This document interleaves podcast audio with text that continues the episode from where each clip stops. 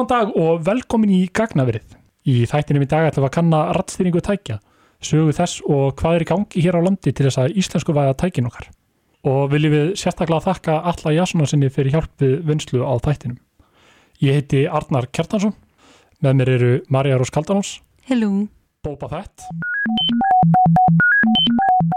Þráttur að flest okkar hafi heyrt af rattstýringu tækja eiga þau sér lengri sögu en mörgum grunar. Fyrsta tækið sem innihjalt einhvers konar rattstýringu kom árið 1952. Það hétt Aubrey en tækið gatt aðeins skilið tölur frá 0 upp í 9 og skildi bara eina rött. Tíu árum setna kom svo Shoebox frá IBM en það gatt skilið 16 orð, 10 tölustafi og 6 reikniskipanir. Varnamálaráðuneyti bandaríkjana náði gríðalum árangri í rattstýringu á 8. áratögnum en það fjármagnaði verkefni sem gæti skilið rúmlega þúsund ennsk orð. Á þessum tíma kom svo fram fyrsta rattstýringa fyrirtækið Threshold Technology. Bell Labs hönnuðu í kjálfæri tæki sem gæti skilið fjölda ratta og Texas Instruments gafu út Speak and Spell. Þetta voru tímamót í rattstýringu vegna nótkunnarar á svo kallaðri speech chip sem leiti til gerfi rattar. Á fyrsta áratug 2001. aldar var lítil hreyfing á sviðinu þanga til 2008 þegar Google gaf út voice search í iPhone símum. Fjórum árum síðar kynnti Apple síðan Siri til leiks með komu iPhone 4S og árið 2016 kom út Google Assistant. Við ætlum ekki að tala um Bixby í þessu podcasti. Til þess að gefa okkur insýn inn í heim íslenskrar rattstýringar er hingað komin Davíð Erik, mistaranemi við Háskólan í Reykjavík í Máltækni. Velkomin Davíð. Takk fyrir, takk fyrir. Erum við að segja okkur aðeins frá þér? Já, uh, ég, já, eins og segir, nefandi í, í hérna, meistarnámin í máltekni, var, að- er að klára mitt fyrsta ári, eða var að klára mitt fyrsta ári núna fyrir nokkru vikum, lifi og, og hærist í þessum heimi sem máltekni er og er alveg opbáslega spennandi um þessa mundir. Yes. Það eru útskýrið fyrir okkur hvernig þetta virkar, helst svona eins og að setja að tala um fimmur á bann. Máltækni er kannski orð sem ekki margir þekkja uh, og það er mjög víðtækt orð og ef við svona reyna að draga eitthvað skilningi það, þetta er, þetta er þýðingar language technology sem kannski útskýrir það aðeins sem betur að hétaðu tungutæk á íslensku sem Guðs er lofa búið að breyta en þetta snýst bara um að við ætlum að neina nota tungumál og þá erum við að leggja sérstaklega miklu áherslu á íslensku í, í hann að námið okkar og hann á máltöknu á Íslandi eru höfuð. Og reyna bara, já, annarkvort að kenna tölvum að tala íslensku kenna tölvum að skilja tungumál okkar eða þá gera allt milli heima og sér þar á milli sem er að nota bara allan texta sem við höfum og gera eitthvað, draga sniðu og hluti upp úr honum. Uh, það þekki allir að nota máltækni lausnir, Google og Amazon og þessi fyrirtæki, þetta eru rosalega stór máltækni fyrirtæki vil ég meina. Eins og anna, Google Translate það er máltækni laust uh, svona vittulegrinninga fórið, það er máltækni líka og já, og svo er náttúrulega þekki öll hvernig við erum að nota tala við tækin okkar Þannig að þegar iPhone síminn autokorrektar komin í liminna þá er það máltækni. Já, það má segja það. Já. Kom inn í þetta fyrir algjöra slisni, var á leiðinni í master í rektorárekfræði uh, síðasta, síðasta haust, uh, fekk sumarstarf hjá Deloitte og mikið um Almaróm og styrta nýskapis og námsmanna þar sem við vorum að kenna vélmeini að tala íslensku. Það var yfir, yfirskriftin verkefni. Svo áttu við bara að reyna, reyna bara að gera það. Þetta var vélmeini sem Deloitte átti, sem svona markasrobot sem heit Anna, ótrúlega skemmtilegt dæmi en, en þá rákuðu okkur vekkin að við þurftum að sapna gögnum og þá fóru við að smíða hana vefsju til þess að svona, hvað segir maður, líðvirk eða crowdsourca þessa gegnasöfnun til þess að geta svona þjálfa upp líkan sem myndi þá geta breytt í hana tölumáli yfir texta sem við getum síðan stjórna velmennu með.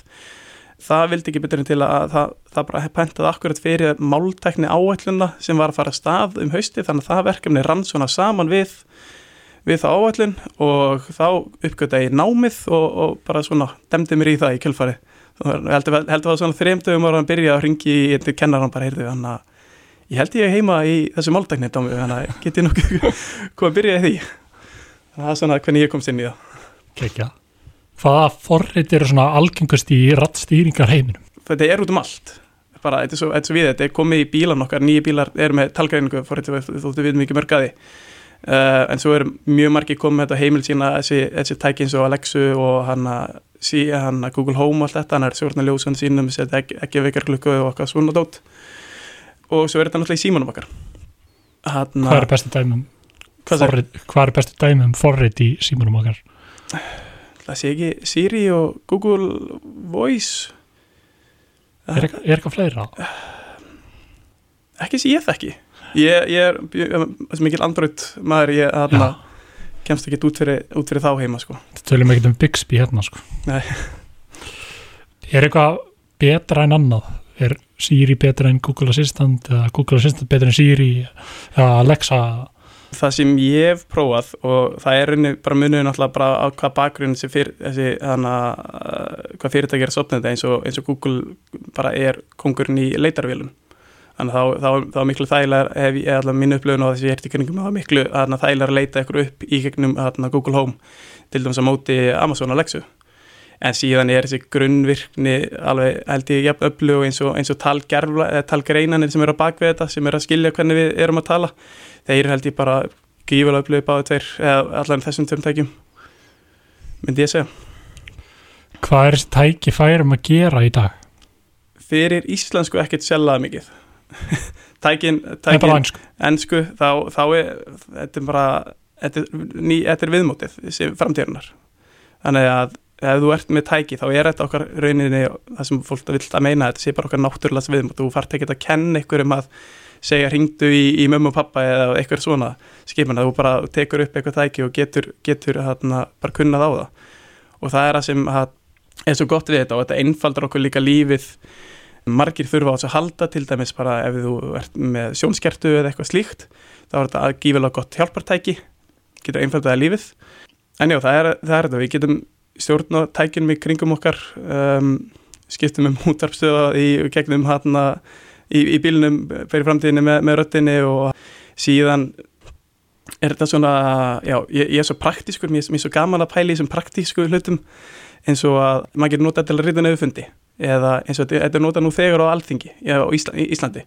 Talgreini sem rita niður hana ræður þingmanna sem síðan er bara lesle, hana léttlesnar yfir og þá ertu búin að stýtta vinnu starfsmanna rosalega mikið og einfalda þeim lífið ég þekki einn ítala, það er til góðu talgrein og ítala, hann skrifaði mastersritgerna sína eiginlega bara með að tala við tölvuna sína og svo bara lasa niður fyrir að leiðra þetta svona eitthvað aðeins þannig þetta er svona miklu þægilega fyrir mann að, að koma frá sér einhverju orðum í tali heldur en að að, reyta niður þannig að maður getur nýtt aftur fulls Þannig að ég get vonandi eftir nokkur ár farið að skrifa ríkiri bara með, með því að tala við töluna mína. Já, myndir ekki þetta? Nei,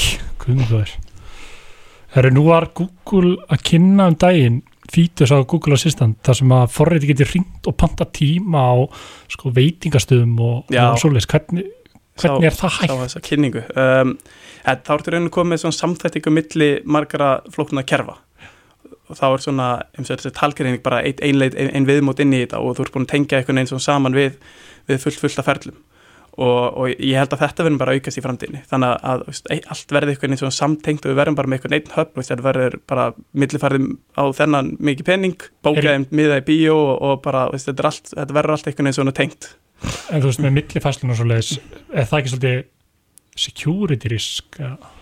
Jú, en svo erum við búin að leysa það alveg bara og getur, og kemur kannski staðfesting í síma en eitthvað slíkt, ég held, að lausnina sé þannig núna í dag, þá bara hortu að aflæsa símanum og þá ertu rauninni búin að gera nákvæmlega sama skrif og ertu búin að gera fyrir út að millifæra með símanum, þannig að það er að leysa allt svona atri og ég held að þetta verði bara miklu algengar. Svo fyrir bílarnir byrja að keira sjálfur á bara, heyrðu hann að er með nefn fyrir utan og svo fimm minntur setna verður komið bíla eða eitthvað. Það er svona útópísk framtíð. Já, Tesla nú ekki að byrja á því. Já, Hann getur, geta lagt bílunum sjálfur, þú getur farið út bílunum og hann fer bara að leggja í næsta staði. Já. Alveg klikkað, sko. Maður tekur ekki endilega eftir breytingu sem er sér stað í kvestasleikunum. Hvað þróun hefur orðið síðustu fimm ár á þessum Siri Google Assistant forritum? ef, ef förum í sko ég veit að talgarinn er orðin miklu betri þeir, þeir eru búin að þróast bara með, með ný, nýjungum í tækni og orðin bara virkilega góðir eins og, eins og margir að prófa að þess geta skilja mann að maður líka við kvíslar hinn minn herbyggina og bara já, er ekkert máli að sko kveikja ljósin en síðan er þetta svona bara að, að sem ég held að segja svona stæðsta breytingi þannig að þetta er orðið bara viðukendar hjá fólki að, að nota. Á, get, á eigir við samskipti við fólk út af því að þetta er engin svona bylting að geta veist, stjórna ljósininu en, en svo fyrir þetta allt byrjar að sapna saman og vera svo mikið í þessum eina hvað kallar maður svona hub þessum einnig svona stjórnstöð. Þá verður þetta svo þægilegt og gott. Þannig fyrir að margi hlutir koma saman og, og, og, hana, þá, þá er þetta svona miklu öflur og það er kannski þessar litlu breytingar eftir róla sem múin að vera að koma Áhverð Hvað sér þið fyrir þér að þessi forrið geti gert á næstu svona 10-15 árum? Ég held að við munum bara aukast svona smátt og smátt hvað, hvað við teljum eðlegt að kalla eftir bara með, með tækinum okkar. Skjárin á símanum tók yfir takkaborði er, er, er, skjálausan síma í framtíðinni eða eitthvað verður það kannski eitthvað? Þegar maður veit ekki. Svona eitthvað sem maður sá í spækit sem maður kemur svona hologram upp já, og... mitt, bara yeah. ok, hvernig er ferlið að búa til slík forrið og leiður okkur í gegnum skrefin nú eru tungumál mjög flókið fyrirbæri við vitum mm -hmm. alltaf hvernig þið virka. Hvernig skilja þessi tækja okkur? Hvernig, bara svona frá Já, uh, svo ég einfaldi þetta bara rosa mikið, þá fartu bara fartu mikið af gögnum og síðan þartu eitthvað líka sem lærir af gögnunum þannig að þú, þú segir úr með eitthvað eins og, eins og það sem við erum að gera í samrúm núna sem er, sem er þessi gagnasöfnun þá erum við að fá fólk til að fara á vefinn, lesa upp eina setningu og þá höfum við upplæsturinn og setninguna mötum við þessu inn í tölvulíkon uh, og þá reyna þau að spá fyrir um og ég ætla að reyna að segja þessa setningu og þá getur búið saman útkoman og bætt líka og það gerst bara með mörgum, mörgum, mörgum, mörgum ítrunum og hægt og róla byrjar, byrjar hann að tölvan að skilja uh, tungumál okkar. En það sem er afskaplega mikilvægt í þessu og er svona útskýrið svolítið vel bara að kalla þetta svona garbage in, garbage out. Þannig að þú ert með léleg gögn, þá fara aldrei gott líkan. Og það, það gildir líka með að þart að hafa rosalega mikla breytt. Við viljum að, að tækin er að skilja alla og þá fyrir við rattir rosalega margar til þess að það í gagnasafn okkur sem við notum til að þjálfa og, og það er það sem við vonum til með um samrúm sem flesti takir þátt og, og lesin og þá er meir líkur að tækin okkar í framtíðinni geti uh, skil okkur. Fólk talar sama tungumál með mjög mismöndi hætti. Reymur er mismöndi til dæmis frambyrður á ennsku í Skotlandi og ennsku í Ástralji hvernig er gert ráð fyrir þessu? Það er bara einmið gagnasöfnun í rauninni. Við erum tildurlega heppin á Íslandi að við erum ekkert með rosalega mikla málískur eins og, eins og gengur að gerast með ennskuna til dæmis og þá erum við að, við erum að reyna að ná norrlensku inn í, í svona gagnasöfnum sem erum vinn núna þannig að har, harmælinu og, og vestfyrsku líka. En síðan er annar hópur sem áþað til að gleima sér svona verkefnum og það er einstaklingar sem koma flyttir til landsins og er þá ekki með íslensku sem móðumál og er það er sérstaklega mikilvægt að þau, þau taki þátt í þessu verkefnum og við erum einmitt að fara að byrja að, að leitast til, til þessa hóps. Það, og, og samarunum á við sem er börn. Og þau tala öðruvísi og hérna margir hafa lendið þessu við að börnin mann skilja hann eh, ekki Google Home og Siri þessu tæki út af því að það er, er, er bara ekkert mikið gögnum að bakveða frá barna röttum og þau eru allt, allt öðru í sig þannig að það þarf að sapna þeim sérstaklega og þjálfa tækin til að skilja þau líka. Bara yfir alla aldrei sópa Já. En hvað þá með öllum þessu fólk sem er erfitt með tal til þess sögum föllunar? Það er væri að smíða svona sér talgreina með, með þeim, þeim gögnum, bara með gögnum að bakvið það það er, svona, er alltaf svona sérsnýðaða lausnir og það er alveg verið að vinna, við það í hana ennsku. Er eitthvað í bóði fyrir þetta fólki í dag sem er kannski með ekki sem ég þekki beint Nei. ég veit að hérna fyrirtæki Cargo Connect voru, voru ekkert manna voru, voru að skoða þetta en ég veit ekki hvort að hérna það voru eitthvað úr, úr því, því verkefni sem við vorum að vinnað en, en já þá, það er einmitt bara það er, svona, það er ekki neitt komið fyrir Íslandsk allan því mér sem ég veit um Hvernig skilja forritin munin á orðum sem eru borin eins fram? Þú ert að tala um í, um í tali bara. Já, þú veist eins og munin á hlið við hlið eins og mm -hmm. við erum hlið við hlið er... í merkingunni við erum hliðin á hvort öðru eða í merkingunni við erum hlið við erum við önnur hlið. Akkurat. Þetta er eini svona, svona uppbóldi mitt við, við, við, við máltöknina er það sem kallast word embeddings eða language model uh, mál líkun þannig þú, þú, þú ert með eitthvað talgrinni sem, sem reynir að spám fyrir hvað einstaklingur sagði. En síðan er það kannski ekki alveg rétt.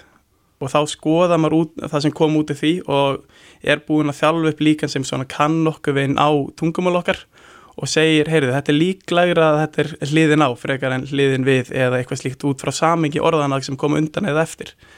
Og þetta er unni búin að vera algjör bylting uh, í, í svona framþróun á, á svona líkanum og eru búin að gera okkur kleift að, að búti miklu, miklu nákvæmur svona spálíkan fyrir, fyrir þess, þessi aðri.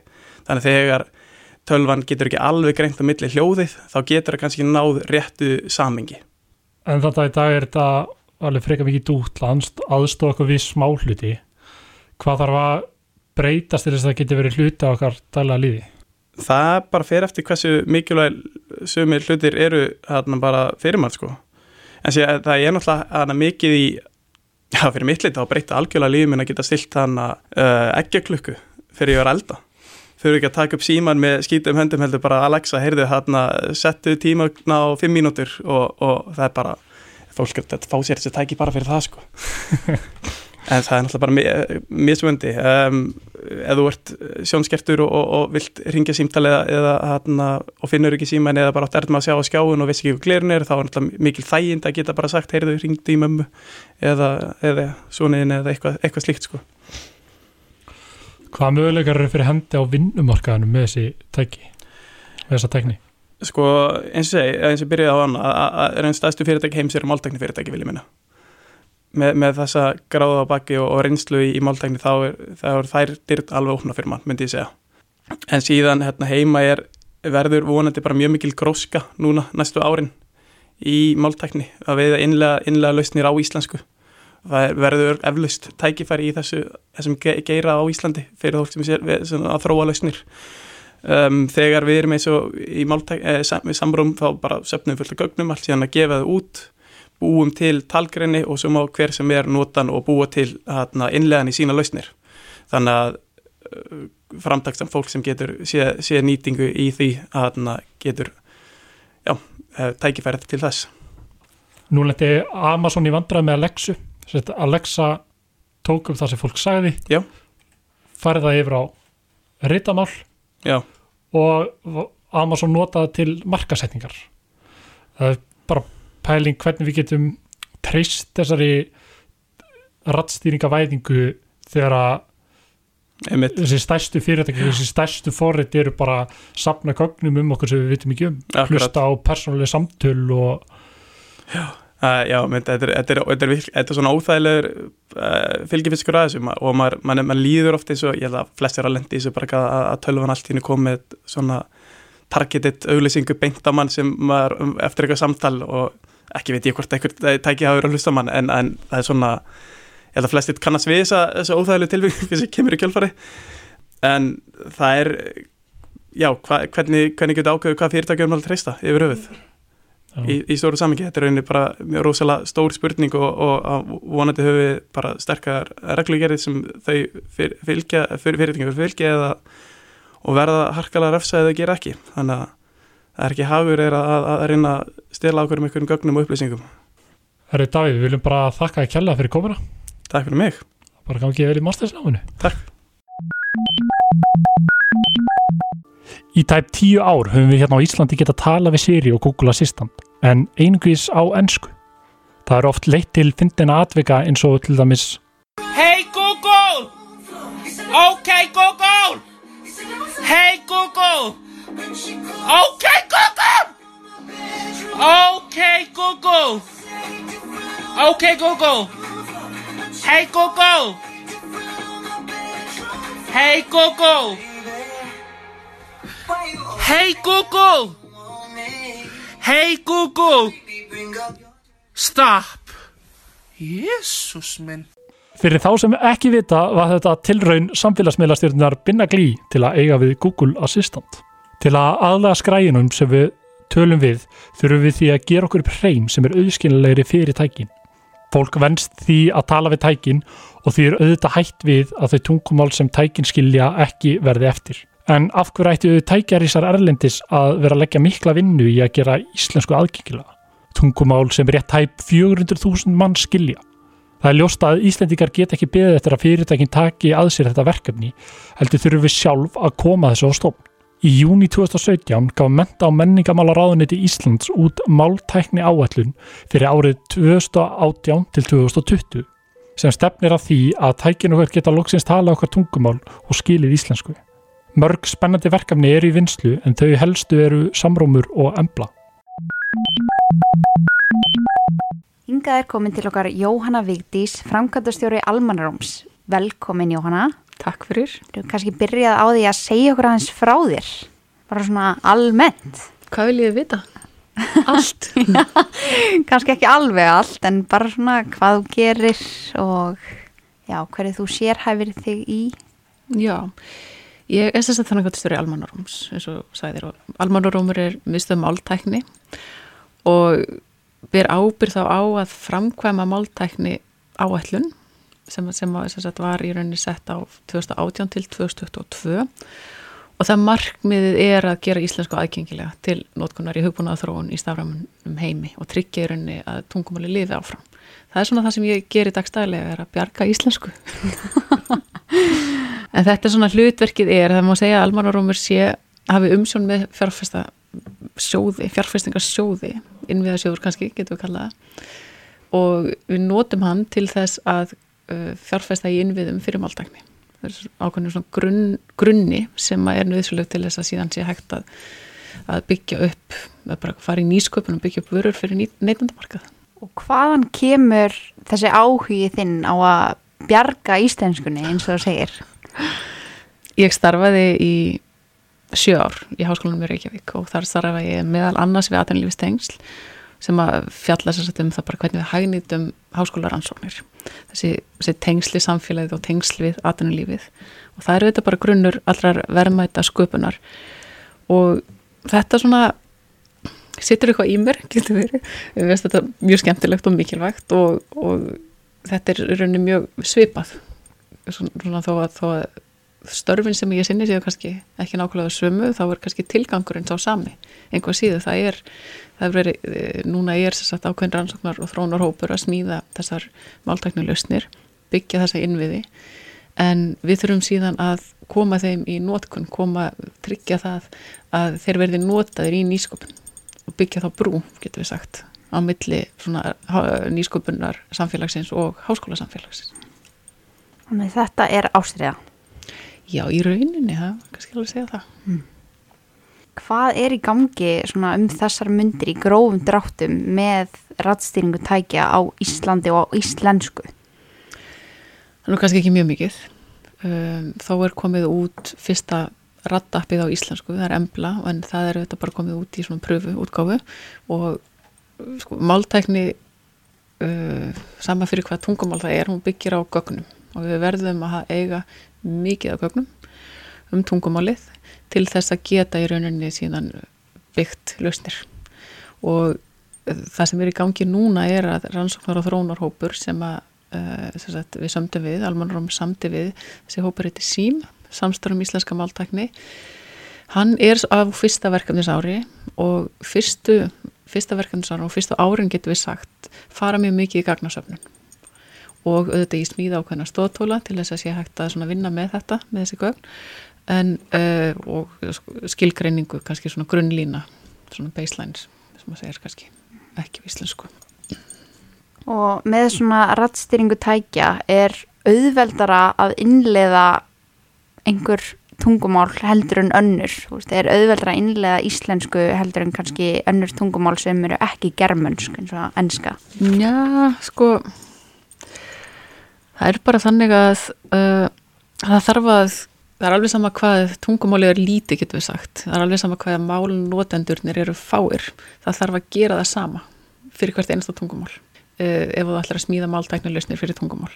Þannig að uh, það þarf í rauninni að gera þetta frá grunni og það er margir sem er mitt halda kannski já, ok, það búið að gera þetta fyrir ennsku búið að gera þetta kannski fyrir nokkuð tungumál. Getur við ekki bara næstu tekið svona copy paste og nota það sem er til og, og svona aðlagað það er í raunin ekki hægt vegna þess að þetta gengur út á það að okkur tungumál er okkur tungumál, það er ekki það sama á enska, það er ekki það sama á danska eða önnur svona þó, þó það sé kannski skilt einhvern tungumálum.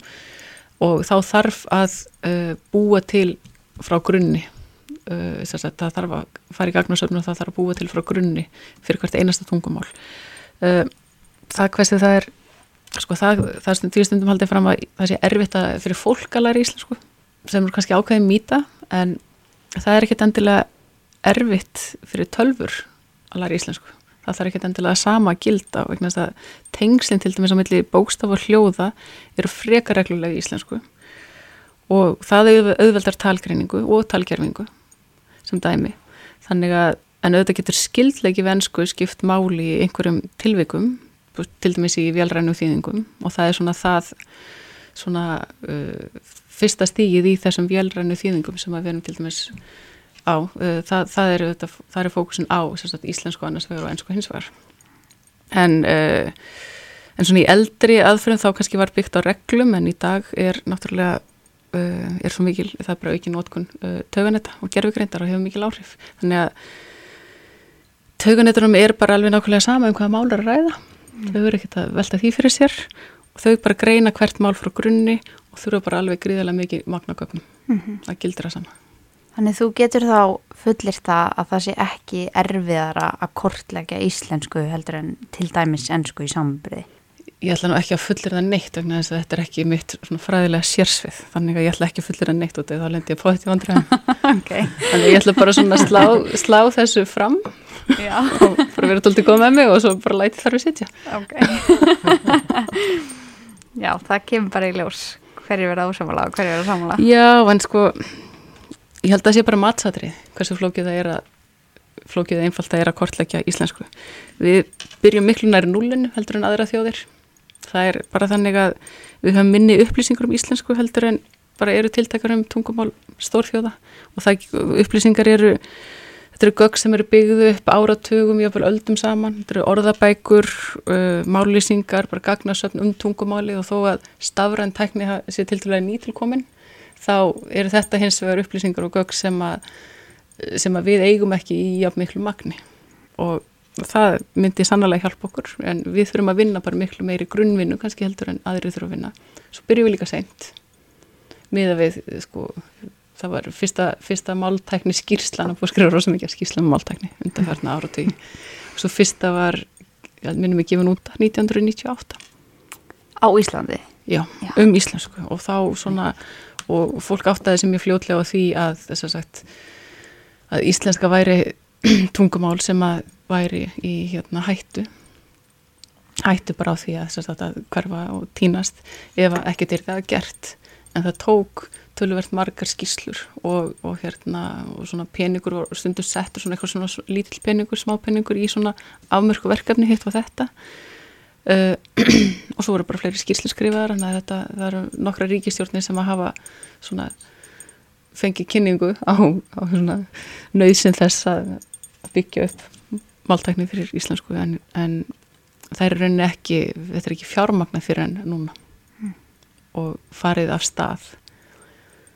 Og, og það er auðvitað bara mjög mikilvægt og mjög gott og gott að það var loksis tekið að skari með það. Nú held ég að við séum öll frekar svona það og bara spennt fyrir því að geta sendt til dæmis SMS á íslensku og bara tala íslensku við síman okkar. Þá er kannski spurningin hversu mikilli fullkomnun megum við búast við af þessari rattstýringu. ég held að hún í rauninni geti orðið ótrúlega góð. Ég held að það sé engi spurning. Okkur gengur mjög vel og hratt að safna gögnum og, og þetta er mjög öflugur rannsóknar og þrónarhópu sem er í þessu. Og fjölmargir og þeim er frábært nefnendur sem að er að taka þátt og fá áhuga og í rauninni skipta mjög miklu málegna þess að það þarf að byggja upp í rauninni máltækni vistkerfi til þess að þetta veri sjálfbært til framtíðar, það er ekki, þetta er ekki eitthvað sem við getum bara útvistað sko.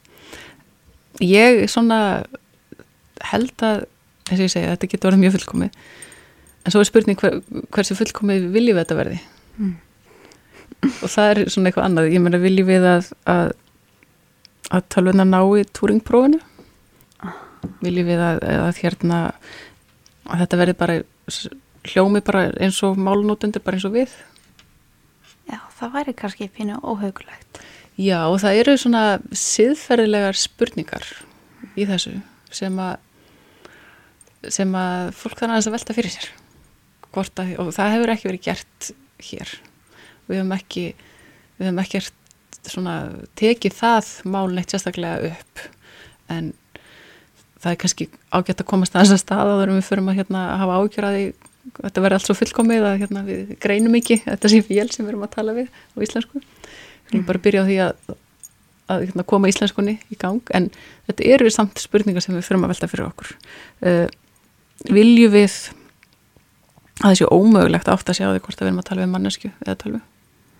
Hvað, hvað þýðir það fyrir samskipti? Uh, svo þurfum við líka eins að velta fyrir okkur sko hversu svona normatív kannski málunótkun tölvana á að vera. Eiga það að tala rétt tungumál eiga það að segja mig langar en ekki mér langar. Mm. uh, eru við þá að, að hérna, koma, eru við komið með eitthvað huglegt mat? Ég myndi bara vilja persónlega að það myndi að segja mig langar. Mhm.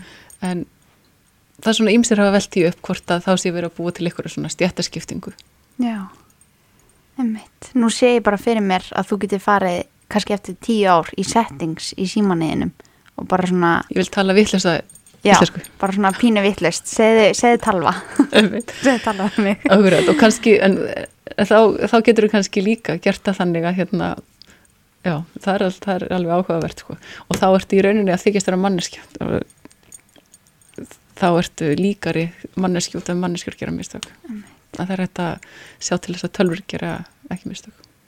Myndir þú segja að þetta væri svona helstu siðferðslu spurningarnar, bara, þú veist, hvort það sé verði ómögulegt að greina á milli, hvort þú sést að tala við tölvu á mannesku og hvað afleggingar það muni hafa í för með sér og hvernig sé hægt að nýta sér það. Ég held að það sé mikilvæg spurning að hérna að bara að svara og velta fyrir sér hvort að hvort að það sé eftirsóknarvert að við greinum ekki mun. Og, svona, og hvað, einmitt, hvað aflenga það hefur? Ég get ekki svarað því. En ég rauninni vil bara benda á það að þetta, að þetta eru svona virkilega áldamál sem þarf að ræða. Við bendum öllum sem eru að hlusta og hugsa sinn ganga eins en uh, má ég samt aðeins spyrja þig um appið Emblu. Embla er svona radd-app getur við sagt. Og, og svona í rauninni fyrsta fyrsta radd-appið á íslensku. Og uh, þú getur svona, þú getur talað við Emblu þú getur spurt hana hérna, spurninga og hún getur svarað þér og hún er til dæmis tengd við strætó. Og hún er, Embla er algjörlega frábær til þess að fá upplýsingar um strætó. Þú getur fengið upplýsingar um það hvaða strætó kemur, eða svo þú getur tekið og hvenær hann kemur og, og þetta er svona rauntíma upplýsingar mm. það er embleirinni tengd inn í gagnagrunn strætó. Og þetta er þetta bara stutt og við komið en þess að hún er í, í sagt, bara beta útgáfið eða prónafasa núna. Þannig að fólk getur skráð sig farið inn á uh, það er miðan sem smið, smíðar þetta farið inn á miðan.is og uh, bara skráð sig og fengið að hérna prófa Er þetta þá eins og Siri og Google Assistant í svona algjörum það er hugmyndin á svona frumstíðum? áfrumstíð, það Já. er svona hugmyndin, já. Ok, gott að vita fyrir það sem er í uh, miklum strætóhugleðingum. Einmitt, fyrir þá sem að nota streyta mikið þá er þetta gaglegt og, og skemmtilegt að tala við emblu. Já, prófa bara að skilja bílinn eftir heima á morgun og aðtöða þetta, sjá hversu vel þetta gengur. Kannamálið. Í hverju fælst máltækni áætlunin 2018 til 2020?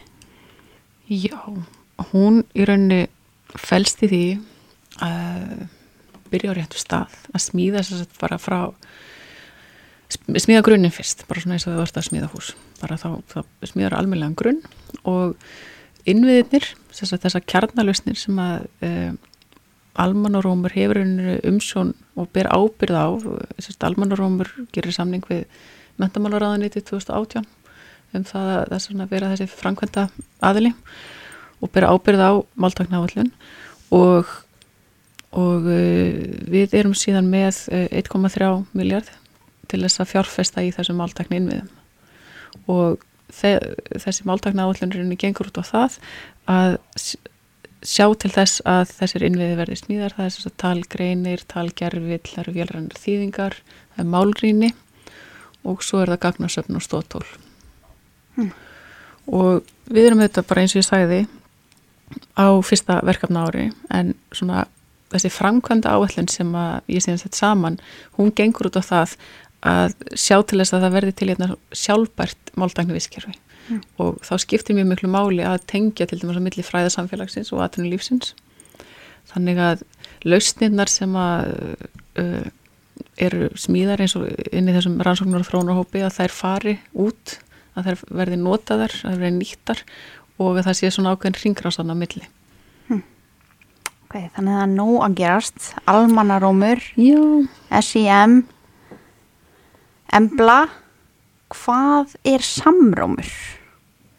Samrómur er uh, gagnasöfnun og sem, að við settum í gang það byrjaði rauninni kannski sumarið 2019 þá uh, kom Deloitte að máli við mig og, og hérna vildu gera eitthvað í máltækni og við erum svona eitthvað aðeins að veltaði fyrir okkur ok, hvað hérna, hvað þarf að gera og niðurstaðan var svo bara já, við skulum, við skulum gera eitthvað og hérna og sækjum um styrk til nýskopunum sjós námsmanna sem að, og fengum mjög myndarlega styrk hann ef við gátum ráðið til nefnendur alveg frábæra nefnendur sem að í rauninni tóku þennan bolta og, og náttúrulega í samráði við Almanróm og Deloitte uh, smíðuðu þennan vef vegna þess að fyrsta, fyrsta sem að fólk kem, áttar sig á náttúrulega þegar kemur að þessu máltækni borði er bara já við þurfum gögn. Við getum ekki gert neitt í máltækni nema að hafa gögn.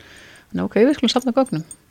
Og þá í rauninni var þessi gagnasöfnun að síða til og þetta er líðvirkjun á gagnasöfnun getur við sagt. Þannig að fólk getur þá bara farið inn á samrúmi.is í tölvu síma tækjum einhverjum og lesið inn setningar og í rauninni þannig bara gefið kannski sína rödd, sitt rödd síni inn. Skiptir miklu máli að hafa mikla breytt og margar rættir að tækinn þurfa að geta skilja alla ekki bara, ekki bara þá sem að tala fullkomna íslensku. Og uh, núna nýlega þá sagt fórum við í átak við að uh, safna röttum barna og úlinga og það hefnaðist alveg ótrúlega vel og endur til lestrarkeppni grunnskólana og það var bara blóðu barátta í grunnskólu landsins. Og, og uh, ég, held að, að krakkarnir hafi í rauninni, börnin hafi farið fram úr fullorðnum. Ég er ekki alveg með það hreinu en ég held að, en háskólinni Reykjavík sem sagt síðan kom inn í inn í samróm, bara af svona fullum krafti í oktober-november á síðast ári. Og, og, hafa svona umsjón núna með því að halda utan um þessi gögn en söfnunir er ennþá í gangi Okay, þannig þetta er það sem við getum lagt af mörgum að fara á samróm.is. Það er ótrúlega mikilvægt og næstu skref þar eru að eru að safna röttum innflytjandi að fólks af erlendum uppruna sem er að tala íslensku. Hvenar sjáu þið svo fyrir ykkur að geta fært íslensku yfir á Siri og Google Assistant og svona önnur forrið sem fólk notar í dag á ennsku? Uh, það, í svona við lók þessa fimm ára plans þá ætti það að vera orður raunhæft. Það gengur auðvitað allt út á það að þegar maður bankur upp á hjá einhverjum svona stórum alþjóðlegum tæknifyrirtækjum þá getur við sjálfur sér ekki sagt um hvað þau að gera. En, en við getum komið með allt tilbúið og allt sem að, allt sem að er svona allar afurðirnar, allt sem er gert innan þessara máltakna áallunar það verður gefið út undir opnum leifum það er að hérna og, og með leifi til hagnýtingar. Þannig að það er alveg skýrt að, að allt er endurgjaldslaust og leifiskeiðin hún er líka skýr. Þannig að það er, sko, þú vilt ekki sem eitthvað hugbúnað fyrirtæki lendi því að setja 2 miljardar í að þróa eitthvað og svo bankar ykkur upp á um, það verður að nota mín hugverk hérna inni og þú, þú skulda mér 2 miljardar eða hvað sem það er, mátt ekki nota þannig að þetta skiptir alveg gríðarlega miklu málu til þess að tryggja að, að þessar afurðir eða þessar, þessar lausnir verði notaðar. En við bara, það er það sem við getum gert er uh, bara passa upp á gæðin að þau séu eins og bara eins og bestur á kosi passa upp að allt sé aðgengilegt og það sé hægt að finna það. Og svo þetta þarf bara að sannfara fólkum þannig að það þarf að sannfara þessi fyrirtækjum að þau þurfi svona að taka kannski dag, dagbút eða hvað sem það er langu tímis þannig tekur þau að koma þessi inn Hmm. Er einhverjar hindranir við íslenskuna sérstaklega sem hafa komið þeirra óvart í öllu þessu ferli? þegar maður hérna, þetta er móðumáli mitt og þetta tala maður það og þá gerir maður sér ekki alveg grein fyrir öllu sko. en ég í nú tvítingdu heimili, við tölum svo sagt eða kannski þrý, við tölum íslensku, ensku og svo afrikans á heimilinu.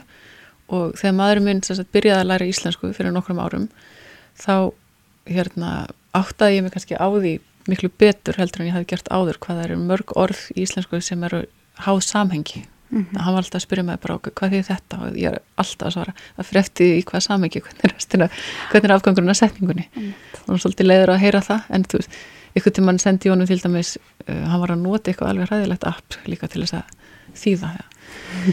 Ykkur til mann sendi honum um, skilabóð bara um að kaupa döðlur út af því að hérna þurftum döðlur sem sagt í eitthvað eitthvað mat, eitthvað rétt. Og þannig ég sendi hann skilabóð hérna can you please buy dates on your way home? Og hann svaraði bara I, don't, I can't find, find any, ég finn ekkert stefnum I can't find any stefnumót in, in krónan. Og ég bara, ok. Og, og svo hérna, ok, svo fór ég eitthvað svona að tjekka á, þú veist, setja þetta bara inn í Google Translate á þeim tíma, þá var það hérna